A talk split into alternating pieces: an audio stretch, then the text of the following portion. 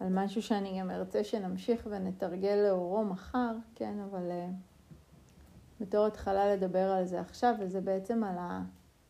Um, אחד הדברים שהכי יכול לתמוך או להבנות או um, לכוון בדרך לחופש, כן? חופש שהמסורת הבודהיסטית מדברת עליו, כן? החופש מהסבל. ואולי להתחיל את השיחה הזאת דווקא, דווקא כאילו מהסוף, או מהסוף של מה שמדברים עליו, או מהסוף של מה שאמור להיות uh, בשיחה הזאת, וזה להגיד ש- שיש חופש, כן. ולא תמיד זו אמירה ממש uh, פשוטה ל- לקבלה או לעיכול, כן, בטח לא uh, ברגעים כאלה שבהם פתאום אני פוגשת את ה... האינטנסיביות הזאת של התודעה, כן, או את, ה, אה, אה, או את עומק הכאב שבה, כן, את עומק הקושי שעולה בתוכה. פתאום המושג הזה חופש הוא נראה לי כזה, לא נראה לי, לא נראה לי שאי פעם יכול להיות חופש מכל זה. ואני אומרת, אני מתחילה מהסוף, כי כשאנחנו לוקחים לדוגמה את אה, ארבע האמיתות של הבודה, כן, ארבע האמיתות ה... נאצלות של הבודה, האמת הרביעית מדברת על זה שיש חופש. כבר האמת השלישית מדברת על זה. כן. זאת אומרת, זה נאמר, זה בבירור נאמר, ואני רוצה דווקא לה, להגיד רגע משהו על, על שתי, על, במקום להתחיל משתי האמיתות הראשונות, אני רוצה להתחיל מהשתיים האחרונות. כן. האמת השלישית מדברת על זה, שאם אני רק אפסיק לאחוז, אם אני רק אפסיק כל הזמן לרצות שיהיה כך ולא אחרת, או זה ולא דבר אחר, או באופן שתכננתי, או בצורה שרציתי, אז יגיע החופש. כן? זה נשען כמובן על שתי האמיתות הקודמות, כן? אני אדבר עליהן קצת אחר כך, אבל ההבנה הזאת שהמקור של החופש שלנו לא נמצא באיזשהו מצב אידיאלי מסוים של התודעה, או מצב אידיאלי מסוים של איפה שהגוף והלב שלי נמצאים כרגע. המקור שלו הוא לא בזוגיות ממש מוצלחת, או לא בעבודה ממש מסעירה, או לא בבטלה גמורה, או לא בחופשה בתאילנד, או כל מקום אחר, כן. החופש הוא פשוט הרגע הזה שבו אני מפסיקה להאחז, מפסיקה לרצות כל כך את זה, או את זה, או את זה. ותנסו להרהר בזה לרגע, כן? תנסו להרהר על רגעים בחיים שלכם שבהם הרגשתם, ו- וזה יבלבל פה. לא, בר- לא רגעים שבהם הרגשתם מאושרים, כי המילה אושר היא מבלבלת. היא מחזיקה בתוכה כל מיני סוגים שונים של חוויות של עונג. אבל רגעים שבהם הרגשתם חופשיים. זה יכולים להיות רגעים מאוד מאוד קטנים, כן? זוכרת שפעם, אה, סתם, זה כאילו סיטואציה הכי לא, לא מעניינת והכי יומיומית, אבל היה אצלי איזה חבר טוב שתרגל אצלי באותה תקופה בקורס, וזה היה כזה קורס בוקר, וסיימנו את השיעור, ואז אמרנו כזה, מה, נלך לאכול משהו? וכזה, ואז כזה שנינו אמר, אמרנו ביחד, אין מצב, יש לי כאילו כל כך הרבה דברים לעשות, כן, אני לא יכולה, אני לא יכול. ואז כזה אמרנו, לא, יאללה, כאילו, מבטלים. כאילו, בוא נלך לאכול. כלום, זה לא כזה מעניין, אנחנו לאכול חומוס בכרם, זה לא איזה אטרקציה, כן? אבל היה לנו פתאום כזה שקט וטוב בלב, כן? ואני חושבת שהשקט והטוב בלב הזה, כאילו, אני זוכרת אותנו הולכים, ואני אומרת לו, איזה חופש יש כשמוותרים לרגע על הצריך, כן? ועל האמור, ועל כל מה שהאמנתי שאני צריכה ואמורה לעשות, כן? איזה חופש יש שמוותרים על ההאחזות בצורה מסוימת, בהרגל מסוים, בביצוע מסוים, בפעולה מסוימת, כן? פתאום נהיה שקט. זה לא אקסטטי, כן? זה לא רועש, זה לא דרמטי, כן? והשקט הזה, שבפשטות הזאת, שאין שם איזושהי, אה, אין שם מודל כזה של משהו שצריך להגיע אליו, כן? הבודהה מדבר על זה, כן? ו- ו- ולכן, כן, הוא מדבר על זה שהחופש אפשרי לכל אחד מאיתנו. ממש ממש אפשרי לכל אחד מאיתנו. כל מה שצריך לעשות זה בעצם את התנועה הפשוטה הזאת. כן? פשוט לשמוט, כן? להרפות. ולא משנה במה את אוחזת, כשאת מרפה, את יותר חופשייה.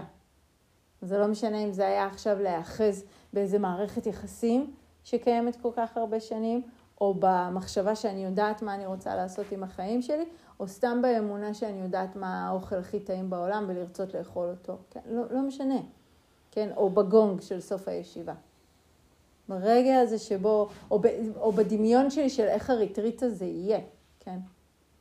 זאת אומרת, זה, זה, זה די לא יאומן איך תמיד רגע התפנית בריטריט, רגע ההיפתחות בריטריט, הוא הרגע שבו הועלתי בטובי סוף סוף לוותר על מה שדמיינתי שיהיה. כל עוד אני אוחזת את מה שדמיינתי שיהיה, כן? בכלל לא משנה מה נמצא כאן, כן? אני בדוקה, כן? אני בדוקה הזאת של הציפיות, של ההאחזות, של הדמיון הזה של תמונה מאוד מאוד מסוימת. כל הזמן אפשר לעשות את התנועה הזאת, ולזהות איך ברגע של שמיטה יש חופש.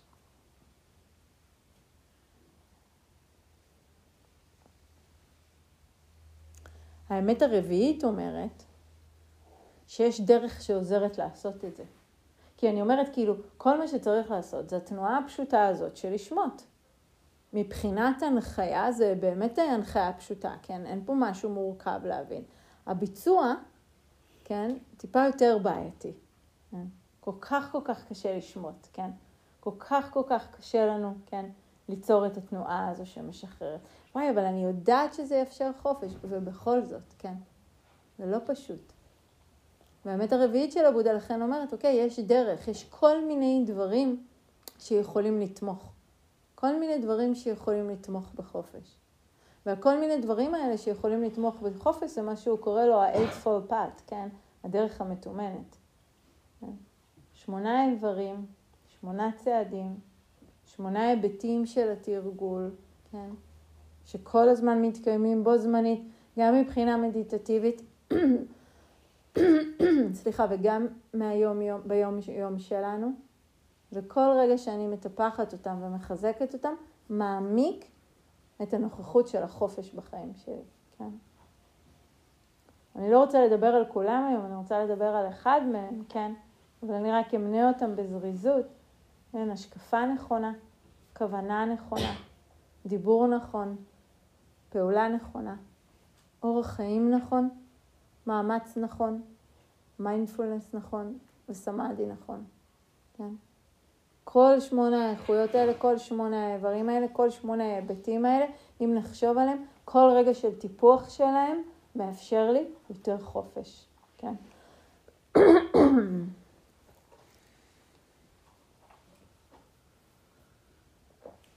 החלק הראשון של הדרך המתומנת, חלק שמחזיק בתוכו את ההשקפה הנבונה ואת הכוונה הנבונה.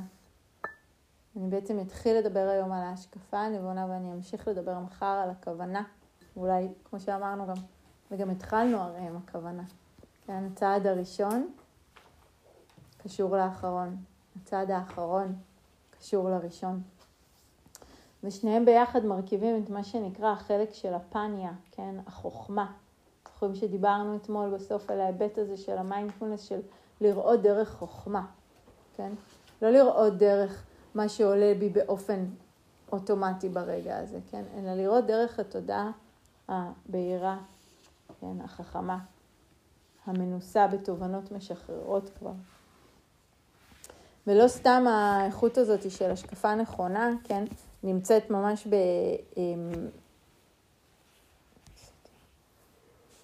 היא לא סתם נמצאת ככה בתחילת הדרך. כן? יש משהו בהשקפה, באופן שבו אני רואה את הדברים, האופן שבו אני מפרשת את הדברים, האופן שבו אני תופסת את הדברים, שמשליך בעצם על כל הדרך כולה, נכון?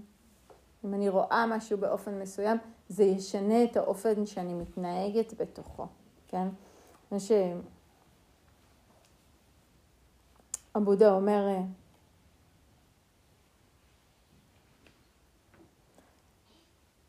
על התנועה הזאת של השקפה, כן, שהיא כמו מייצרת איזושהי תנועה באמת ש...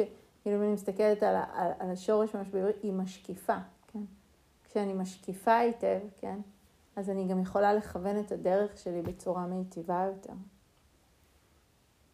וזה הזכיר לי כשכאילו, ואז חיפשתי את הציטוט הזה, שכן, שחשבתי על זה בשיחה, אז זה הזכיר לי את השיחה הזאת של אה, מאליס בארץ הפלאות עם החתול, כן, לא יודעת מי חובב את הספר הזה, אבל העתקתי את הציטוט הזה, והיא עומדת כזה ביער, והיא עומדת מול החתול, והיא אומרת לו, את תואיל להגיד לי בבקשה באיזו דרך עליי ללכת מכאן.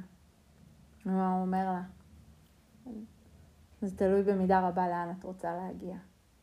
כן, זה, זה, זה כל כך יפה, כן? כאילו יש מלא דרכים, אבל לאן אני באמת רוצה להגיע? כן? וזה מחזיר אותנו כל הזמן לשאלת החופש, מה אני באמת רוצה. אני באמת רוצה ידע, אני באמת רוצה להיות צודקת, אני באמת רוצה את מה שהגיוני, את מה שאמור, או שאני באמת רוצה חופש. ולכל אחד מהתשובות האלה, כן, יש דרך לגמרי אחרת. ולא כל כך ברור לה, היא אומרת, לה, היא אומרת לו, לא אכפת לי כל כך לאן. אז לא משנה באיזה דרך תלכי. כן. אבל אני רוצה להגיע לאנשהו. אז היא אומר לה, אז תתמידי. אז רק תמשיכי. כן? ויש את הרגע הזה שבו אנחנו יכולים לעצור ולשאול את עצמנו לאן אני רוצה ללכת, ואם אני יודעת לאן אני רוצה ללכת, כן? אז קל לי יותר לבחור את הדרך. כן, ולראות את הדרך. מה הדרך שמובילה לשם? ובעצם האיכות הזאת של השקפה נבונה, הטיפוח הזה של השקפה נבונה הוא כמו מצפן, כן?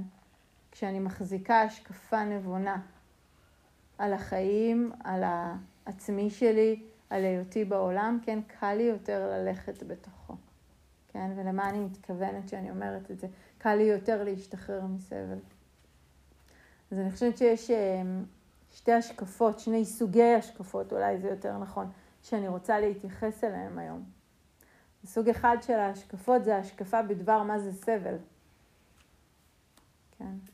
והמילה סבל אולי מרגישה מאוד מאוד, אה, אולי היא מרגישה מאוד מדויקת למצב שלנו כרגע, מחלקכם שמעתי את זה היום בקבוצות, כן? ואולי היא מרגישה כזה, אוקיי, סבל זה יותר מדי, אני לא סובלת, פשוט כזה, ממש מעצבן אותי הכל.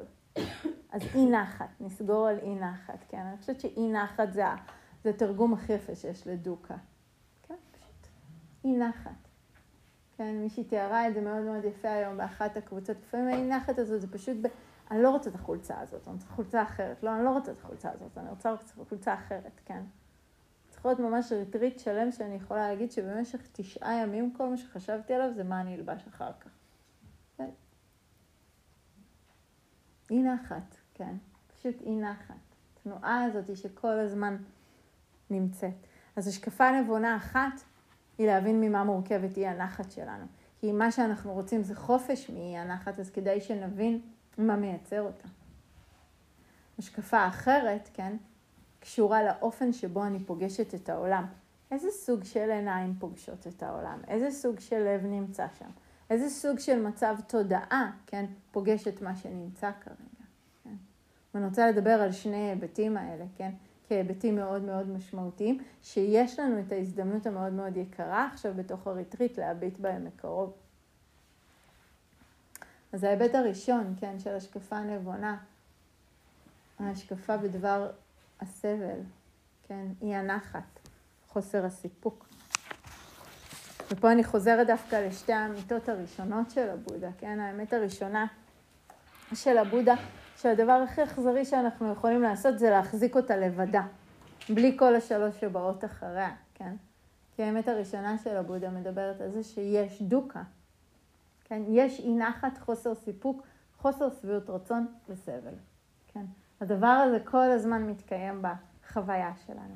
אני חושבת שהדבר המעניין בריטריט זה לשים לב כמה זה לא חייב להיות דרמטי, ובכל זאת זה יהיה דוקה? אני כזה הולכת, ואני כזה, הלוואי והייתה לי כרית קצת אחרת, והלוואי והייתי מביאה את זוג הגרביים האחר, ולא את זה שאני לובשת עכשיו, ומתי יהיה הגונג, ולא בא לי לשמוע שיחה על דוקה, בא לי לשמוע שיחה על זה, וכאילו, הכל מהמם. למה השמיים היו יותר לבנים מכחולים היום, כן? למה הטמפרטורה הייתה יותר חמימה מקרירה, או יותר קרירה מחמימה, כן? כאילו, כל הזמן איזושהי תנועה כזאת שכזה, אמ, כן, נכון, הפרצוף הזה שעושה, אמ, זה בערך, כן? התנועה הזאת היא שכל הזמן במידה מסוימת מעדיפה משהו שהוא הרבה פעמים לא כזה רחוק, אבל הוא סנטימטר ליד. וכל עוד הוא סנטימטר ליד, אני נוכחת באיזשהו מצב תודעה של חוסר סיפוק. כן? וכל עוד אני נוכחת במצב של תודעה של חוסר סיפוק, אני נוכחת במצב תודעה מכווץ. כן? מישהו תיאר היום, כן, את ה... את ה לבוא, לריטריט, כן? ובאתי עם איזושהי כוונה מסוימת, באתי עם איזושהי מטרה, כן? עכשיו, כל עוד באתי עם מטרה מסוימת, אז כל זמן שהמטרה הזאת לא מתממשת, אני מחכה, אני מצפה, אני מחכה ומצפה שהמטרה הזאת תקרה, ובזמן שאני מחכה ומצפה שהמטרה הזאת תקרה, אני, ת, ת, תסתכלו על תנועת הגוף שאתם מחכים, כן? כאילו, זה נכון, מרגישים את זה?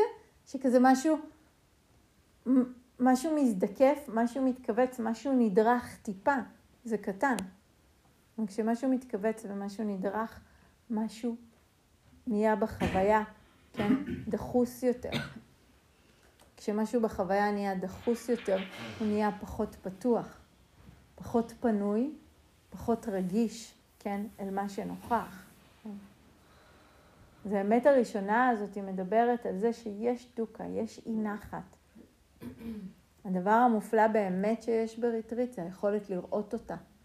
זה לא שיש דוקה בריטריט, זה שיש דוקה ובריטריט אפשר סוף סוף לראות אותה. ביום-יום, כן, אחד הדברים, אחד הדברים שמאוד עוזרים לנו למסך דוקה ולא לראות דוקה זה תנועה. כאילו זה פשוט תנועה, כן? משעמם לי, אני מדליקה טלוויזיה, מעצבן לי, אני עושה משהו באייפון, כן? לא נוח לי, אני אוכלת משהו. מיציתי בעבודה או הרגשתי שאין לאן זה, אני מתפטרת, משהו בזוגיות קשה, אני נפרדת, כן? אני כל הזמן עושה תנועות שעוזרות לי לדלג על הדוקה. ואז אני באה למרחב הזה של ריטריט, ואין לי לאן לדלג, כן? כאילו, הכי מצחיק זה, זה הלחכות בטירוף לגונג, אבל אז להיזכר כל פעם מחדש שאחרי הגונג מתחיל בדיוק אותו דבר. כן, כאילו שום דבר חדש לא קורה, כאילו, זה, זאת, כאילו מה חיכיתי? מה זה משנה, אני אגיד לכם מעכשיו כמה גונגים יהיו עד הסוף, כן? אבל בסוף יהיה גונג ואתם תשבו, ואז יהיה גונג ואתם תלכו, ואז יהיה גונג ואתם תשבו, וזה ככה יימשך, כן? עד יום שבת. כן? זה לא כזה הרבה. כן? אבל, אבל התנועה הזאת שתולה במשהו, כן? את, את הנחת שלי, או יותר נכון, את אי הנחת שלי. כן? ופתאום אני רואה את זה. כן? פתאום אני רואה את זה, והרבה פעמים כשאנחנו רואים את הדוקה בתוך ריטריט, אז יש איזושהי תחושה שיש בעיה. כן, כי לא קורה מה שתכננתי. חשבתי שאני אבין דברים ואגלה דברים, בעצם אני רק חסרת שקט, כן? אין בעיה, זה מה שרציתי לראות. רציתי לראות את החוסר שקט של התודעה, כשאין לה את, ה, את הקביים או את המיסוך, כן? או את המערפלים שהיא רגילה להשתמש בהם. כן? לראות את זה שכל רגע היא לא מרוצה. זוכרים את הכנות, את האומץ לכנות מאתמול, זה לא, זה הרבה פעמים לא קל לפגוש את זה, כן? לא קל לפגוש את זה.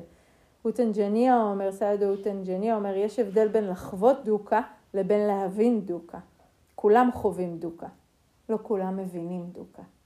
כן, לא כולם מבינים את, הט... את הטבע של התופעה הזאת, שהיא קיימת ממש בכל רגע, רגע, רגע, כן? יש לנו רגעים בלי, כמובן, כן? אם לא היו רגעים בלי, לא היינו יודעים מה זה חופש ולא היינו בכלל מנסים או רוצות להשתחרר.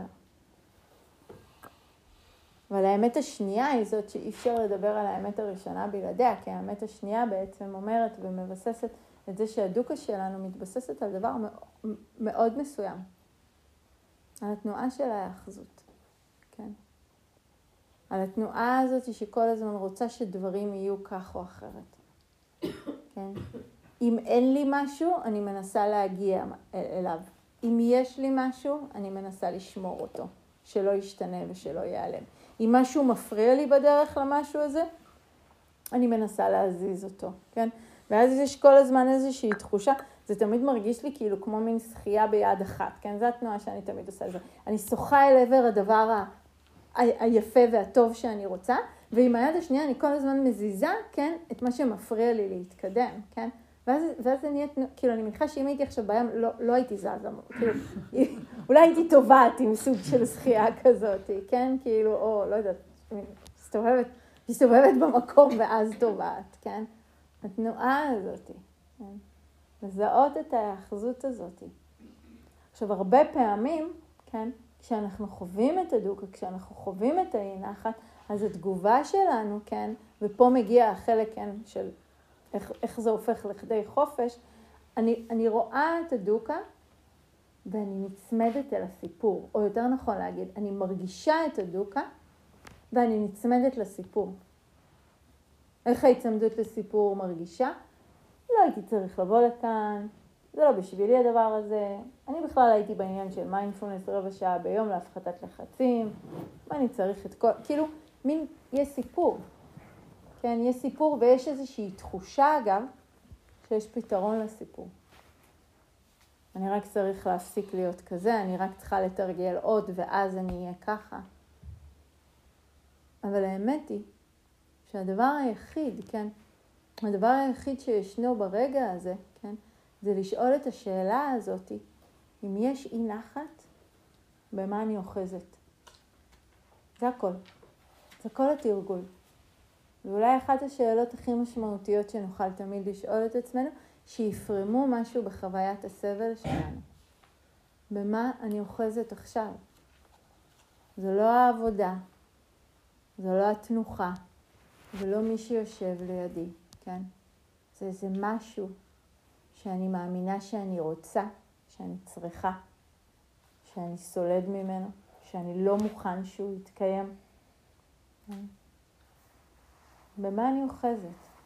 במה אני באמת אוחזת? לפעמים אני יכול למצוא את עצמי מבלה שעות בתכנון של העבודה, ואני אגיד, כן, אני אוחז במחשבות על העבודה. לא, אני לא אוחזת במחשבות על העבודה. מחשבות על העבודה עוזרות לי להחזיק את הדבר שבו אני אוחזת. שזה נגיד היצמדות לזהות הזאת של אני חייב להצליח, או אסור לי להיכשל, אסור לזה לקרות. במה אני אוחזת? כל הזמן לחזור ולשאול. וסביר להניח שברגע הראשון לא תעלה תשובה. אבל מעצם זה שאני שואלת את השאלה הזאת, זה שימוש בהשקפה נכונה. זה, זה להביא השקפה נבונה שמשחררת באופן שלא מסתפק יותר בסיפור שרץ לי בתודעה, אלא מנסה לחתוך דרכו, לראות דרכו בהיווכחות ישירה למה המקור האמיתי לאי השקט הזה. תמיד התשובה תהיה האחזות. כן. השאלה במה. והראייה הבהירה, ההישארות הזאת בתוך הטריטוריה, כן, מאפשרת לי לאט לאט להרפות. כן. ולכן, אם שאלתי את זה, ואם שאלתי את זה מספיק פעמים, ואם מתחילות להופיע תשובות, אז הדבר הבא שאני גם יכולה להזמין זה מה אני יכולה להרפות עכשיו? וזה הרבה פעמים הגוף הוא מקום יותר קל להתחיל ממנו, כן? כי אם אני אשאל אתכם על הגוף עכשיו, מה אני יכולה להרפות, יהיה לנו נורא ברור. הכתפיים, כן, אולי גם המצח, כן, בין השכמות. נכון? מרגישים איך כאילו דבר, דבר, דבר, דבר, דבר יכול להרפות, כן? ולשחרר לאט לאט, כן? ולהישמט לאט לאט. אותו דבר עם התודעה. מה אני יכולה להרפות, כן? את הזלזול. מה אני עוד יכולה להרפות, כן? את הכעס. מה אני עוד יכולה להרפות, כן? ולאט לאט אני מגיעה לשכבות יותר ויותר מעודנות של הדבר שאותו אני אוחזת. כן? זה לא הרבה דברים, זה בדרך כלל תמיד יחזור בסוף לדברים די דומים. אז האיכות הזאת של השקפה נבונה כאיזושהי הסתכלות של חוכמה ביחס לחוויית הדוקה שלי וביחס לחוויית החופש שלי. ההבנה הזאתי, ממה מותנה חופש? מאי היאחזות. במה מותנה דוקה? בהיאחזות. האם אני יכולה ללכת ישר ללב הדבר הזה מבלי להתברבר הרבה בבניינים האלה שאני בונה, כן? זו לא שאלה שאנחנו אוהבים. אני רבה עם הבן זוג שלי, כן? השאלה שאני רוצה לשאול את עצמי זה לא במה אני אוחזת. אני רוצה ממש להגיד לו את כל הדברים שבהם הוא לא בסדר. כן, זה מה שאני רוצה לעשות. אין בזה חופש. אין בזה רווחה. כן. אין בזה שחרור. השחרור יהיה בלהביא את ההשקפה הנבונה. אוקיי? ואם, ואם נגיד נסתכל על הסיטואציה הזאת, אז לא רק אני אוחזת, אני אוחזת בדבר אחד, הוא אוחז בדבר אחר, זה בדרך כלל לא אותם דברים, כן? וככל שנאחוז יותר, נתרחק יותר. וככל שנרפה יותר, כן, נוכל להתקרב יותר. ורק להביא את ההשקפה הזאת, השקפה בדבר החופש, השקפה בדבר הסבל. מה המקור? מה אפשר להרפות? כל הזמן לשאול את השאלה הזאת.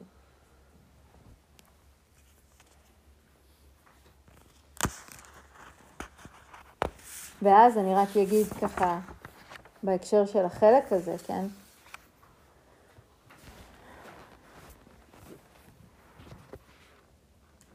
שכשאני מחזיקה את ההשקפה הזאת, אז אי נחת בתוך הריטריט, היא מפסיקה להיות בעיה. והיא הופכת להיות קרקע נהדרת לתרגול, כן? איך מישהו כתב לי היום בפתק כל כך כל כך יפה וכל כך מלא השראה, התמזל מזלי לתרגל עם מיגרנה. איזה ניסוח יפה, כן?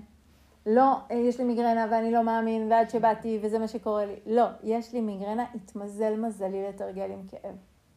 יש ביטוי כזה ב... שחוזר בהמון דרשות של הבודה, נקרתה בדרכי מחשבה, או נקרא, נקרא בדרכי כאב, כן? אז הרבה פעמים אנחנו צוחקים על זה בשפה היומיומית. מה קורה כשכל רגע אתם מסתכלים על התודעה שלכם ואומרים, או, oh, נקרתה בדרכי מיגרנה. הנה, אפשר לתרגל. נקרתה בדרכי שנאה. נקרתה בדרכי קנאה, נקרתה בדרכי אה, תחושת בדידות, כן? העניין הוא לא מה נקרא בדרכי, העניין הוא מה אני עושה עם מה שנקרא בדרכי, כן? שם טמון החופש. ואני רוצה לדבר על עוד היבט של אה, השקפה נכונה. חלק ב', ולהקריא לכם אה, שורה אחת שעבודה אומר בהקשר של השקפה נכונה. נזירים, איני מכיר ולו דבר אחד שבזכותו מתעוררות איכויות מיטיבות שטרם התעוררו ומתגברות ומתרחבות איכויות מיטיבות שכבר התעוררו, כמו השקפה נכונה. כן? זאת אומרת שמה שהוא אומר פה בעצם, שעצם ההשקפה שלנו היא השלכה ישירה, כן, על מצבי התודעה שלנו. ומצבי התודעה שלנו מייצרים השקפות, כן? או יותר נכון, מצבי התודעה שלנו מייצרים מחשבות. כן? לא בהכרח יהפכו להשקפות. וכשהוא אומר את זה, כן, הוא מדבר, יש אה, דרשה נורא נורא יפה שקוראים לה הדרשה על שני סוגי המחשבות. תכף אני אקריא לכם חלק אחר ממנה, אבל החלק הראשון אני אנסה להגיד יותר בקצרה במילים שלי. הוא בעצם יושב לעצמו במדיטציה ומהרהר, כאילו על כל העניין הזה עם המחשבות, שכפי ששמתם לב הם תופסים, מניחה שחשבתם לא מעט היום, כן? לא משנה אם זה אה, עמוק או שטחי או מעניין או משעמם, או בגדול חשבתם את אותה מחשבה טריליון פעמים, כן? חשבתם, כן? היו פה הרבה מחשבות. כן? והוא חושב לעצמו ואז הוא אומר, אה, מה יקרה אם אני בעצם אחלק את כל המחשבות שלי לשני סוגים של מחשבות. מחשבות מועילות ומחשבות לא מועילות, כן? מחשבות שהן אה, לא מזיקות לשום דבר ומחשבות שהן כן מזיקות. וכשהוא עושה את זה, הוא מחלק את כל אחת מהשתי קבוצות האלה לשלושה היבטים, כן? או של, שלוש איכויות, שכשמחשבות מסוימות נובעות מהן, הן יכולות להיות לא מועילות, ושלוש איכויות אחרות, שכשמחשבות נובעות מהן, הן יכולות להיות כן מועילות, כן? ובהקשר הזה, אני כן אה, רוצה להקריא לכם אה, פסקה, וואו. גיל זה, גיל זה דוקה. רגע, אוקיי. אז ככה, הוא אומר ככה. בעוד אני שרוי כך, ערני, נמרץ ונחוש, זה כזה כמו שישבתם כל היום, ערניים, נמרצים ונחושים, נכון? זה, אז הוא תיאר את המדיטציה שלכם. התעוררה בי מחשבה על הנאות החושים. הבנתי כך. התעוררה בי מחשבה על הנאות החושים. קודם כל הזיהוי, כן? זה נשמע מפגר, כי הוא אומר את אותו דבר, אבל לא, זה משמעותי. הוא מזהה איזה סוג מחשבה התעוררה בו, כן? הוא לא אומר, התעוררה בי מחשבה אם גם מחר יהיו בטטות צרופות בתנור כי זה היה לי טעים, הוא אומר, התעוררה בי מחשבה על הנאות החושים כי זה מה שזה, כן? ההשתוקקות הזאת לבטטות או לכזה דבר או אחר. ואז הוא אומר עליה ככה, מחשבה זו מובילה לסבל אצלי, לסבל אצל האחר ולסבל אצל שנינו. היא חוסמת את החוכמה, גורמת לדאגה ומצוקה, ומרחיקה מהניבאנה. כן, הניבאנה זה החופש. והוא אומר את אותו דבר אחר כך ככה, בעודי שרוי כך, ערני נמרץ ונחוש. התעוררה בי מחשבה על שנאה. הבנתי כך, התעוררה בי מחשבה של שנאה. מחשבה זו מובילה לסבל אצלי, לסבל אצל האחר ולסבל אצל שנינו. היא חוסמת את החוכמה, גורמת לדאגה ומצוקה, ומרחיקה מהניבאנה. אחרון, בעודי שרוי כך, ערני ונמרץ ונחוש, התעוררה בי מחשבה על פגיעה. הבנתי כך, התעוררה בי מחשבה על פגיעה. מחשבה זו מובילה לסבל אצלי, לסבל אצל האחר ולסבל אצל שנינו. היא חוסמת את החוכמה, גורמת לדאגה ומצוקה, ומרחיקה מהניבאנה. בעצם הוא אומר פה על שלוש איכויות, כן? שהוא שם לב שכשיש מחשבות שנובעות מהשתוקקויות להנאות החושים, כשיש מחשבות שנובעות משנאה, כשיש מחשבות שנובעות מהרצון לפגיעה, כן? יש דוקה. וכשיש דוקה היא מרחיקה אותי, כן? הוא אומר, זה גורם, זה, זה גם לסבל אצלי, זה גם לסבל אצל האחר, זה גם לסבל אצל שנינו, וזה מרחיק אותי, כן?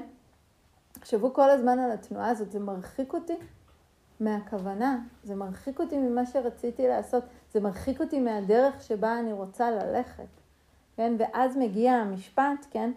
אחד המשפטים, אני חושבת, הכי, לא יודעת, כאילו, קשה להגיד על כל מה שעבודה אמר הכי, אבל, אבל זה באמת משפט שאני חושבת שהוא יכול להפוך להיות כמו מנטרה שנזכיר לעצמנו, והוא אומר, מה שנזיר, חושב ומהרהר בו לעיתים קרובות, הופך להיות הנטייה של התודעה שלו. אם אני חושבת ומהרהרת לעיתים קרובות בכל מה שבא לי ובא לי ובא לי ובא לי, זו הופכת להיות הנטייה של התודעה. הנטייה של התודעה תהיה השתוקקות. גם אם רגעי הבא לי היו סבבה, כן? לא בהכרח הרגשתי בהם איזה סבל תהומי. אבל לאט לאט התודעה נוטה אל עבר ההשתוקקות. ואם התודעה שלי מהרהרת רגע אחר רגע אחר רגע במחשבות של שנאה, ואני לא אוהבת את זה, ואני לא אוהבת את זה, וזה לא בסדר, וזה לא בסדר, וזה לא בסדר, אז התודעה מקבלת נטייה של סלידה, של שנאה. ואם הכעס עולה לפה, והפוגענות עולה לשם, ואת אלה אני רוצה לרמוס, ואת זה אני רוצה להעלים, אז התודעה מקבלת נטייה של פגיעה. עכשיו, זה מילים גדולות, אבל אם תחשבו כמה מהמחשבות שלנו הם חלק משלושת האיכויות האלה. משהו מעניין שקרה לי בזמן האחרון, כשעברתי לא מזמן לנחשולים, חלקכם שמעתם את זה בכל מיני שיחות שלי, פתאום נכנס לי, אני רציתי שיהיה לי, אני רוצה לקנות שם בית. עכשיו, עזבו, לא משנה כמה זה עולה, זה לא עולה, זה קיבוץ, אי אפשר לקנות שם בית, כן? זה לא, לתודעה כמובן, הפרטים הטכניים הם לא, כאילו, הם לא חלק מהעניין. ובעצם ביליתי איזו תקופה לא קצרה, של איזה שלושה, ארבעה חודשים, שכל יום שאנחנו הולכים בקיבוץ עם ג'וי ג'וי, כל מה שאני עושה זה לבחור בתים. אני רוצה את הבית הזה, ואני רוצה את הבית הזה, ולמה החצר הזאת מוזנחת, אולי הם לא רוצים לגור פה, אני אקנה את הבית, ואני רוצה את זה, ואני ממש, כאילו, די, כאילו, נדב אמר שזה נהיה בלתי נסבל, כאילו, ממש הייתי בהשתוקקות מטורפת לבית. כאילו, אני גרה שם, כן? אבל... אה, גם היה סיפור מצחיק, כשישבנו שם, אני גרה שם אצל המשפחה, אצל, כאילו, קרובי משפחה, וישבתי עם הילדה שלהם, שהיא בת 14, ודיברנו על זה שאני רוצה לקנות בית, ואני רוצה לקנות בית, ואז היא כאילו הסתכלה עליי ואומרת, אבל למה את רוצה לקנות בית? את גרה אצלנו, אני גרה אצלם ביחידה כאילו. אמרתי לה, לא, אני לא רוצה, אני רוצה להמשיך לגור פה ביחידה, אני רק רוצה שיהיה לי בית משלי. ואז היא אמרה, אבל למה? ואז בדודה שלי אמרה לה, להאחזות. כאילו, ראו איך מתודעה של ילדה, היא פשוט לא הצליחה להבין את זה, כן? כאילו, זה, לא, לא שיש הסבר הגיוני לזה, אבל רק מהאחזות. אבל הדבר המעניין שרציתי לספר בהקשר הזה, שאחרי ששלושה חודשים הסתובבתי ככה, פתאום שמתי לב שעוד דבר התחיל לקרות בחודשים האלה. זה היה חודשים שבהם אכלתי הרבה יותר שטויות ממה שאני רגילה, והזמנתי באינטרנט הרבה יותר בגדים ממה שאני מזמינה. מה שנזיר מהרהר בו לעיתים קרובות הופך להיות הנטייה של התודעה. ואם הסתובבתי כל היום עם השתוקקות לבית לנחשולים, לתודעה לא משנה מה האובייקט, מה שהיא נשארה איתו זה השתוקקות. ואז כשעם ההשתוקקות הזאת ראיתי בורקס, אכלתי בורקס, כשעם ההשתוקקות הזאת ראיתי שוקולד, אכלתי שוקולד, כשעם ההשתוקקות הזאת ראיתי טייץ, קניתי טייץ, כן? כאילו האובייקט לא משנה, התודעה מתקבעת על הנטייה. עכשיו, כשאני מזכירה לעצמי את זה, אז אומרת, אוקיי, אולי כדאי שאני אשים לב במה אני מהרהרת לעיתים קרובות, כן? והדבר המשמעותי והחשוב שאנחנו יכולים לזכור זה רגע, אם מה שאני מהרהרת בו לעיתים קרובות הופך להיות הנטייה של התודעה שלי, אז אולי כל מה שצריך לקרות זה רק שאני אתחיל להיות עם יותר בחירה על מה אני מהרהרת בו לעיתים קרובות. לכוון את ההרהור שלי, לכוון את המחשבות שלי. ופה בודה בעצם מציע, אחפש לכם את זה פה, והוא אומר ככה: בעודי שרוי כך, ערני נמרץ ונחוש. התעוררה בי מחשבה על ויתור. הבנתי כך, התעוררה בי מחשבה על ויתור. מחשבה זו אינה מובילה לסבל אצלי, אינה מובילה לסבל אצל האחר, ואינה מובילה לסבל אצל שנינו. היא תורמת לחוכמה, אינה גורמת לדאגה ומצוקה, ומובילה אל הניבנה. בעודי שרוי כך, ערני נמרץ ונחוש, התעוררה בי מחשבה של אי שנאה. מחשבה זו אינה מובילה לסבל אצלי, אינה מובילה לסבל אצל האחר, ואינה מובילה לסבל אצל שנינו. היא תורמת לחוכמה, אינה גורמת לדאגה ומצוקה, ומובילה אל הניבנה. בעודי שרוי כך, ערני נמרץ ונחוש, התעוררה בי מחשבה על אי פגיעה. הבנתי כך, התעוררה בי מחשבה על אי פגיעה. מחשבה זו אינה מובילה לסבל אצלי, אינה מובילה לסבל אצל האחר, ואינה מובילה לסבל אצל שנינו. היא תורמת לחוכמה, אינה גורמת לדאגה, ומובילה אל הניבנה. אז מה קורה כששלושת האיכויות האלה, כן, הופכות להיות הכוונות של מה שאני רוצה להרהר בהם לעיתים קרובות, כן? המילה ויתור היא, היא לא תמיד, כן, ויתור בהקשר של שמיטה, כן? ויתור בהקשר של הרפייה, ויתור בהקשר של אי האחזות, כן? בדיוק זה. התנועה הזאת, מה קורה אם אני מהרהרת לעיתים קרובות באפשרות שלי להרפות? באפשרות שלי לשחרר, באפשרות שלי לשמוט, באפשרות שלי להתרווח ממשהו, באפשרות שלי לדמיין אותי בלי הדבר, אפילו לפני שעזבתי אותו באמת, רק לדמיין. לדמיין אותי בלי העבודה הזאת, לדמיין אותי בלי הזוגיות הזאת, כן? בלי החולצה הזאת. רק לדמיין את האיכות הזאת ששומטת. לבדוק בכמה מרחבים בחיים אני יכולה באמת לשמוט. מה קורה שאני מהרהרת לעיתים קרובות, כן? במחשבות האלה של העיניים הטובות, כן? במחשבות האלה, כן? של, של, של רק לא לשנוא, כן? כן? מה ההפך משנאה? האיכות הזאת שנפתחת, שמתקרבת, כן? שמביטה בעיניים הטובות, הפתוחות, החמות, האוהדות. מה קורה כשאני דואגת לסוג כזה של הרהורים לעיתים קרובות? מה קורה כשאני מהרהרת במחשבה הזאת רק לא לפגוע, רק שלא אפגע. כן? רק התנועה הזאת שלא לא רוצה לגרום נזק. רק, רק לא לגרום נזק, כן? רק הדבר הזה. מה שנזיר מהרהר בו לעיתים קרובות הופך להיות הנטייה של התודעה. והרבה פעמים, כן, ומישהי גם אמרה את זה היום באחת השיחות, כן, היא אמרה, מה, בכוח? למה לא, כן? לא בכוח במובן של אגרסיביות או אלימות, בכוח במובן של בחירה, כן? של בחירה. במה אני רוצה להרהר עכשיו? ויש פה איזושהי חוכמה עמוקה, כן, שמבינה משהו.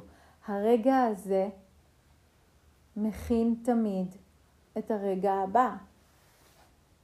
הזרע שאני זורעת עכשיו, כן, הוא זרע שעומד לצמוח ולהפוך למשהו ברגע הבא, או הבא, או הבא. יש משקל הרבה הרבה הרבה יותר גדול ממה שאנחנו רוצים להבין לכל רגע. אז יש משהו בהבנה הזאת שיכול לגרום לי לאיזושהי דאגה או מצוקה, אבל יש משהו בהבנה הזאת שיכול לגרום לי להתחיל לקחת הרבה הרבה יותר אחריות על כל בחירה, על כל מחשבה, כן? הנה, אני סתם הלכתי בקיבוץ וכאילו פינטזתי על בתים. כאילו לא היה בזה סבל נראה לעין, לא היה בזה, זה היה מצחיק, זה היה נחמד, הצבתי המון בתים בתודעה, כאילו אני יכולה לבנות קטלוג שלם, נייס. אבל משהו קרה. משהו קרה, פתאום הייתה הרבה יותר השתוקקות. זה לא דפוס חזק אצלי השתוקקות, כן? זה באמת היה קיצוני. כן? שפתאום הדבר הזה היה נורא נורא חזק. לא שמתי לב, כן? לא הקפדתי. התודעה נסחפה. וככה מתפתחת נטייה. כן, לא, זה מצחיק להגיד, זה לא, כאילו לא שאין לי נטייה להשתוקקות, לכולנו יש, כן? אני פשוט, אם כבר... אה, סולדת מדברים מאשר אה, רוצה אותם, כן? אבל התנועה הזאת, אז כשאני, כשאני זוכרת את המשפט הזה, כן? כשאני זוכרת את המשפט הזה בתור השקפה נבונה, מה שאני מהרהרת בו לעיתים קרובות הופך להיות נטייה של התודעה, ואני מביאה את זה לרגע מסוים בתוך התרגול, כן? אולי זה עוזר לי. אולי זה עוזר לי ותומך בי באפשרות הזאת של לייצר שמיטה, לייצר הרפאיה, להגיד, לא תודה. זה לא, זה, זה לא מה שרציתי? זה לא מה שאני רוצה לזרוע כאן עכשיו. כן? הנה, אני מתחילה מההתחלה. כן? ושוב אני מתחילה מההתחלה. ושוב אני לא מתחילה מההתחלה. כן? יש ציטוט יפה של אוטן ג'ניה שהוא אומר, דבר אחד שאת צריכה לזכור ולהבין, הוא שאת לא יכולה להשאיר את התודעה שלך לבד. יש להתבונן בה בהמשכיות. אם את לא דואגת לגינה שלך, יגדלו בה עשבים שוטים. אם לא תשגיחי על תודעתך, המכשולים יתרבו ויתעצמו.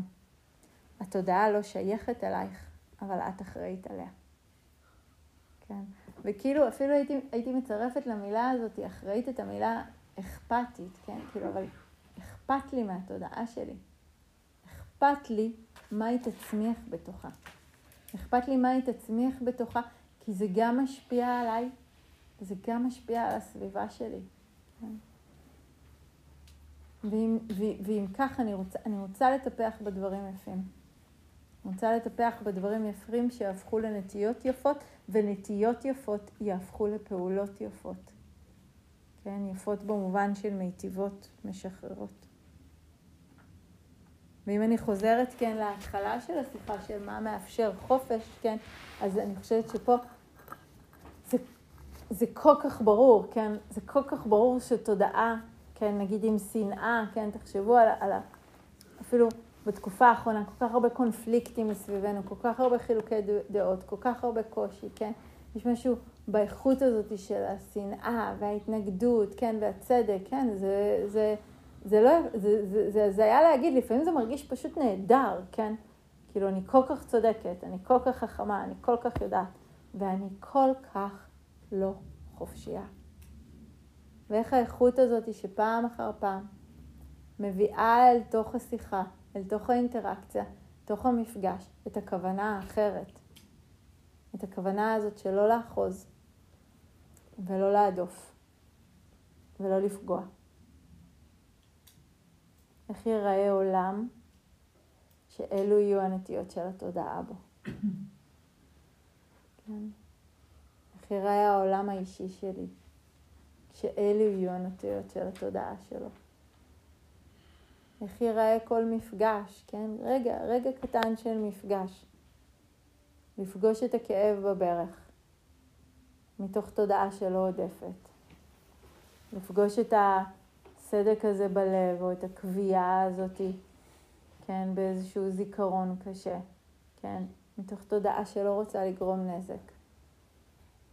לפגוש את החלומות שלי, אבל מתוך תודעה שלא אוחזת בהם. כן. כמה רווחה, כמה שלווה, כמה חופש יכול להיות בתודעה כזאת.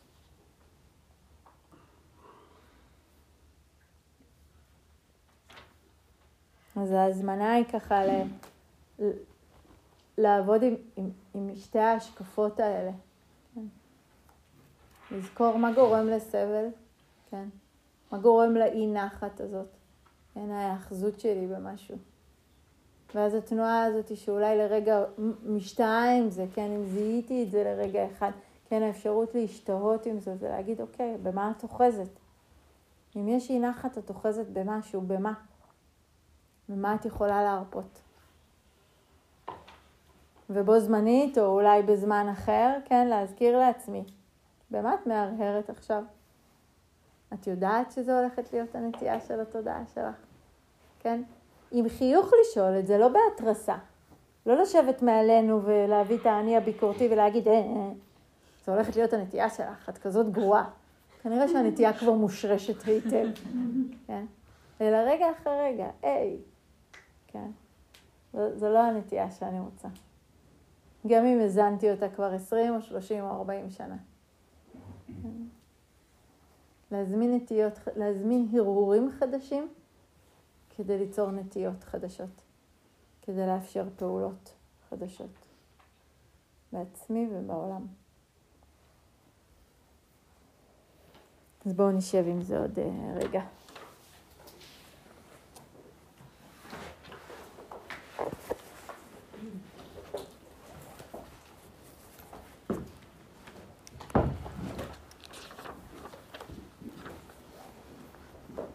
אפשר לקחת רגע.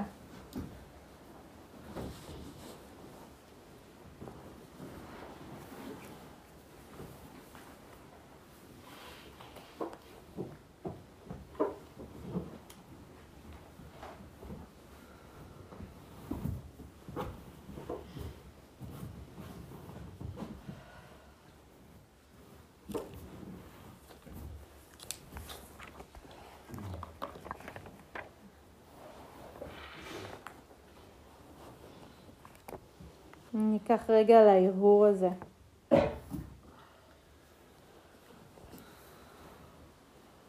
מה שנזיר חושב ומהרהר בו לעיתים קרובות, הופך לנטייה של התודעה.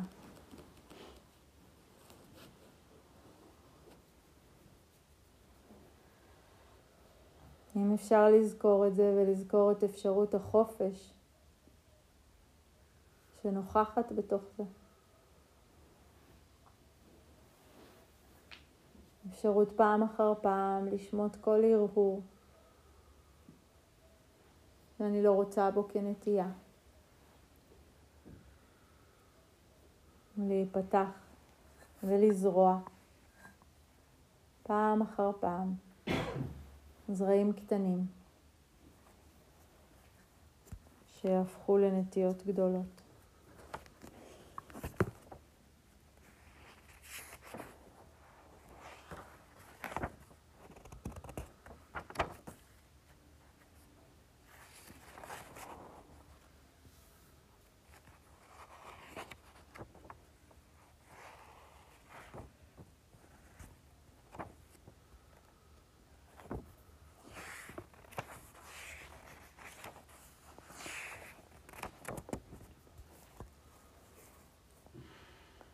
אל תמעיטו בערכם של מעשים רעים קטנים, במחשבה שהם לא יכולים להזיק, כיוון שגם ניצוצות קטנים של אש יכולים להצית הר של שחת.